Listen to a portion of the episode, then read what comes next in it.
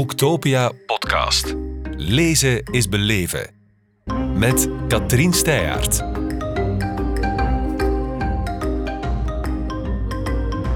Welcome, Nino Haratischwili in Kortrijk. Thank you.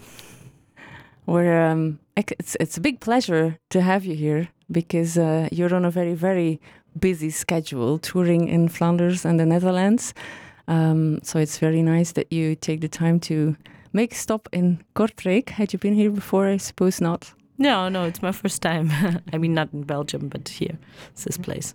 You're here to um, talk about your new novel. Um, I prefer to say it in Dutch, if you don't mind. Of course. Het Schaarse Licht, because I think the English title, The Lack of Light, it's not the same. I don't know how you feel about it.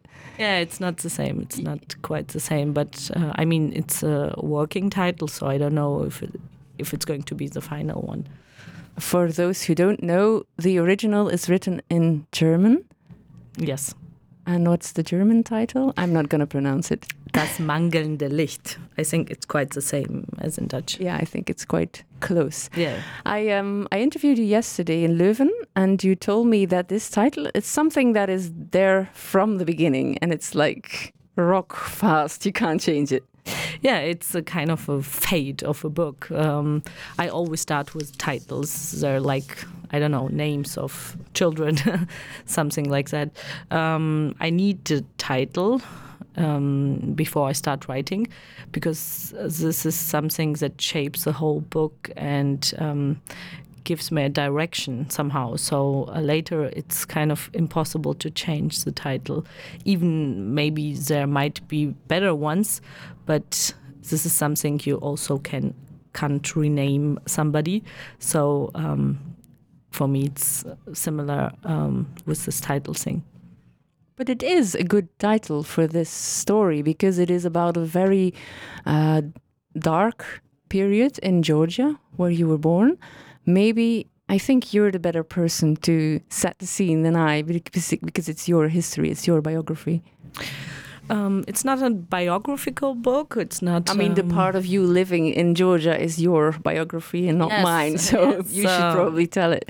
it's still i mean it's a fiction but of course the setting and the period um, uh, while the story develops it, uh has been uh, time i grew up and it's been a really harsh and brutal time full of violence and economical and social crisis. It was um, it was more than 10 years um, the book starts 1989 and ends in present days. So we have just like uh, two timelines the past and the present.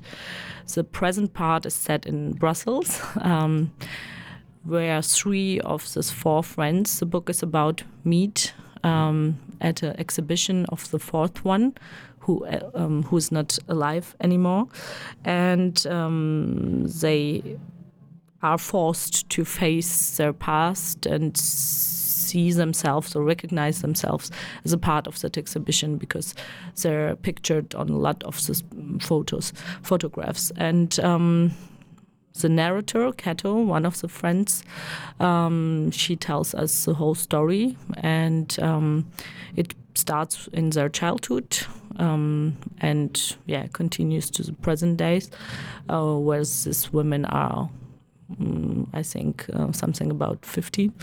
So yeah, it's a story about friendship, but a friendship that um, has to face a lot of challenges and problems because it has been quite a difficult time for everybody who lived back then in Georgia.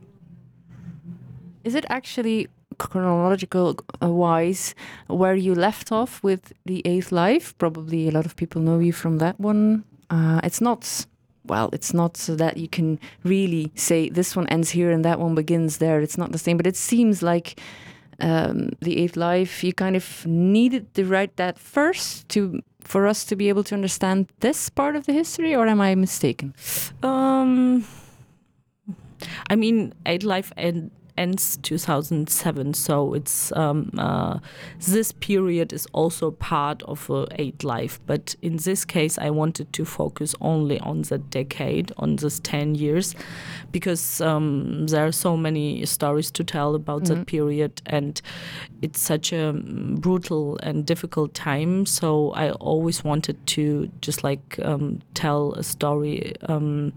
That takes place during that 90s because it was also a time that really shaped me and had a huge impact on me so um, yes maybe i thought um, after the eight life that um, only after writing the eight life i was able to focus on that period i don't know because it is, as you say, quite intense. But then the counterweight is this friendship, which withstands a lot of terrible things. Is is that a source of inspiration? I mean, has friendship for you also been this source of power of resilience? Yes, um, I, I really um, appreciate. this is one of the most important things in my life, and I, I think friendships that starts in childhood. This is really mm, one of the most precious things in life one can have, and I have been lucky that I have some of friends that I met when I was I don't know three, four, six, and um, it's such a big gift when you have somebody on your side that goes through life with you and um, makes all the changes with you and um, you have you might have completely different paths but still um, i think this is something that's really really important and precious.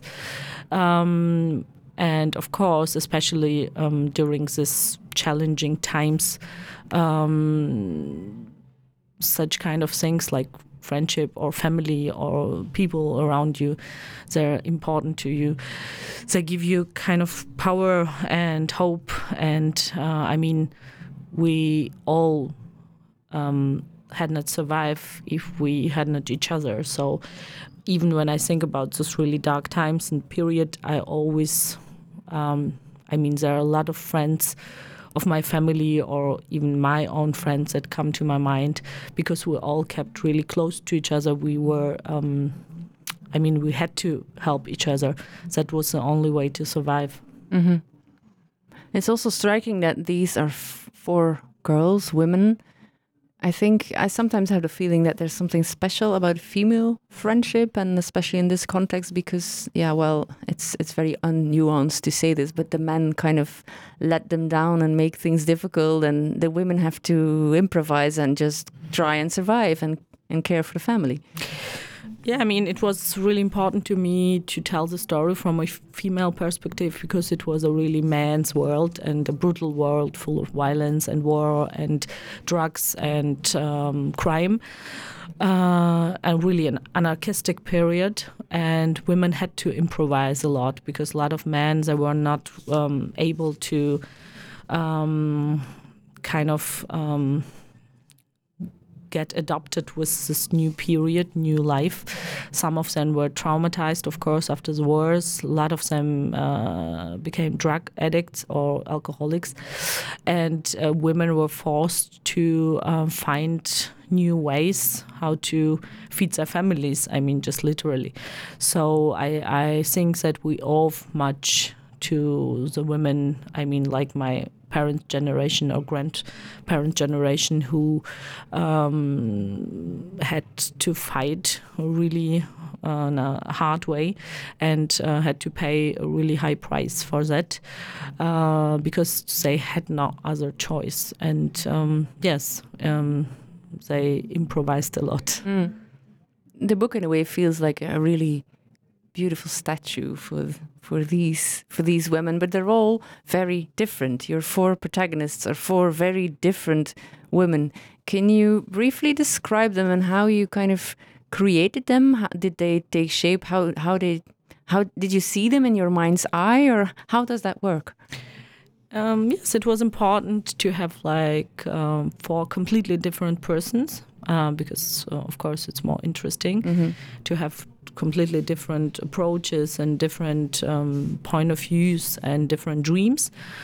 So um, Keto is a narrator. She is like more um, an observant one. She stands a bit outside and she describes a lot and analyzes a lot, but she's somebody who is kind of in between of all them. Then we have Nene. She is a romantic one. She's quite the Uh, character. Yeah, also an eccentric one. She is always somewhere like in clouds, and um, But she has a family, which is very difficult for her. So there's Yes, the she- two aspects for yeah, her. she's a, mm, I I would say, a victim of this really toxic masculinity and this patriarchal structures in which she is born in. But she's also a fighter, uh, though her fighting weapons are uh, often. Maybe not like uh, common ones. A typical, Um, yes. Typical, yes. and um, then we have Dina. She's maybe the one who um, who's the biggest visionary, and uh, she became later um, famous photographer. And um, she is the one who makes no compromises, I would say, and pays, unfortunately, pays also really high price for the way of life she choose. And then we have Ira, the most uh, pragmatic one. She is like the the intellectual among them. Later, she becomes a lawyer, and she is the main reason why this friendship. In the end, falls apart because she takes a decision. I don't want to spoil No, too no. much. Um, that has really uh, fatal consequences for all of them. Um, yes, and it, yeah. Mm. Go ahead. no, and they all, I mean, they're really very, very different, but somehow for me, they're like different parts of one whole thing. Yeah, they're different approaches to the same Yeah. Themes or challenges. But what I found very interesting is that as a reader, it's very hard to take a stance because in all of them, there is something that I can relate to. Uh, there's not one for me that is uh, totally me or that is totally recognizable, but in every one of them, there's aspects that you can relate to and others that you find very puzzling. Um, is, th- is that the idea you had that the reader kind of has to be puzzled?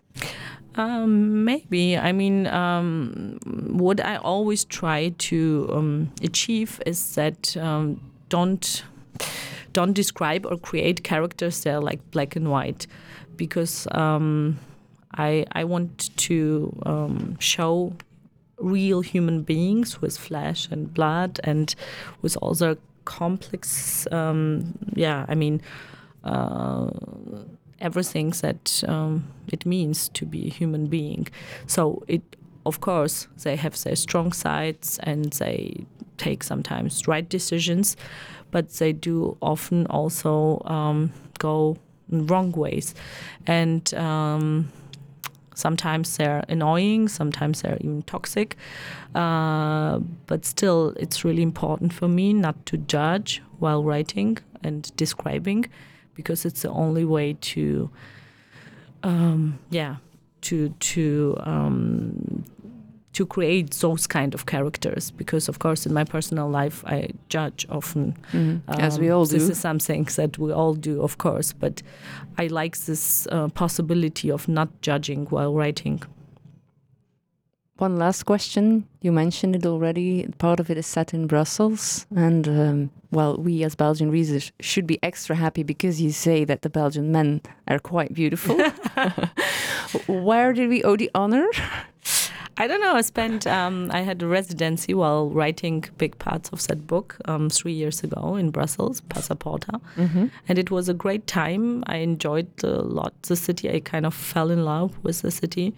Uh, it was spring and everyone was outside and it was warm and I had a great apartment and yes, it was a gift to have the possibility. And I mean. Um, I don't know. I I liked people. I I was observing a lot, a lot of places, a lot of Good uh, place to observe people, Brussels. Yes, yes. Yeah. Because I mean, um, I didn't know a lot of people here. I mean, I didn't know anybody actually, and um, this is a special kind of um, being somewhere. If you're, you're working, you Yeah. have like a mission, but of course you do not work like 24 hours Oh, a day. and you're not attached to anyone. yeah. Yeah. and you're not in um, you don't have any relationships or any Mm. contacts and you're just like discovering discovering discovering and um, sometimes it might be even challenging or difficult but i found it really um, it felt so good to to be on this position because it's so rare in life i mean even when you have your journeys or traveling Mm. around you're always most in most of times you're with somebody with Mm. friends or family or partner um, and um, I, I liked that situation position so i had the opportunity to observe a lot of people so uh, yeah and i found i liked uh, i liked their taste and i liked um, this attitude of Mhm. yeah i found people very friendly and very relaxed and i enjoyed a lot Good to hear. Well, well. Yeah. Now the only thing those people should do is read your new book. They'll have a fantastic hour-long experience. I can guarantee that. Thank you so much for stopping by, Nino Haratishvili. Thank you Boektopia podcast. Lezen is beleven. Beluister ook de andere podcasts live opgenomen op Boektopia 2022. Nu via je favoriete podcast-app.